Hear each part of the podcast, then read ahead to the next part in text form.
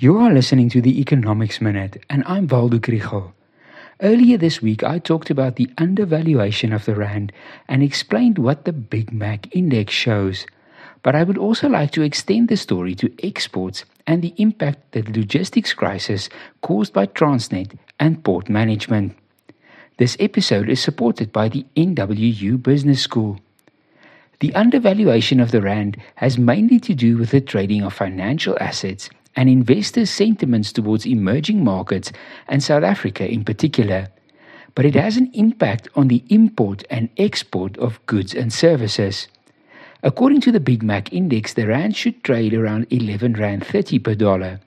More complex models reckon it should be around 15 Rands against the dollar. In Rand terms, we therefore pay more than we should for imported products. This is particularly detrimental when you consider that most of our fuel is imported and also many other industrial inputs. But fortunately, it also cuts the other way. Our exporters are 3 rands per dollar more viable than they would be at the fair value rate. This is an opportunity that we are now wasting because of the logistics crisis caused by Transnet and port management.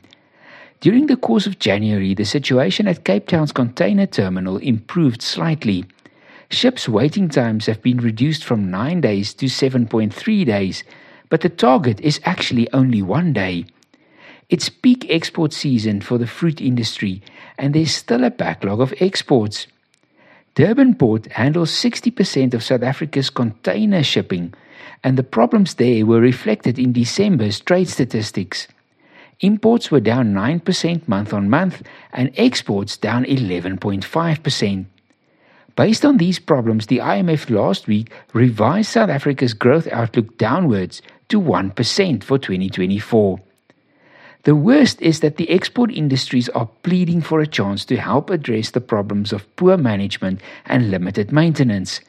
But the government is unwilling to just get out of the way.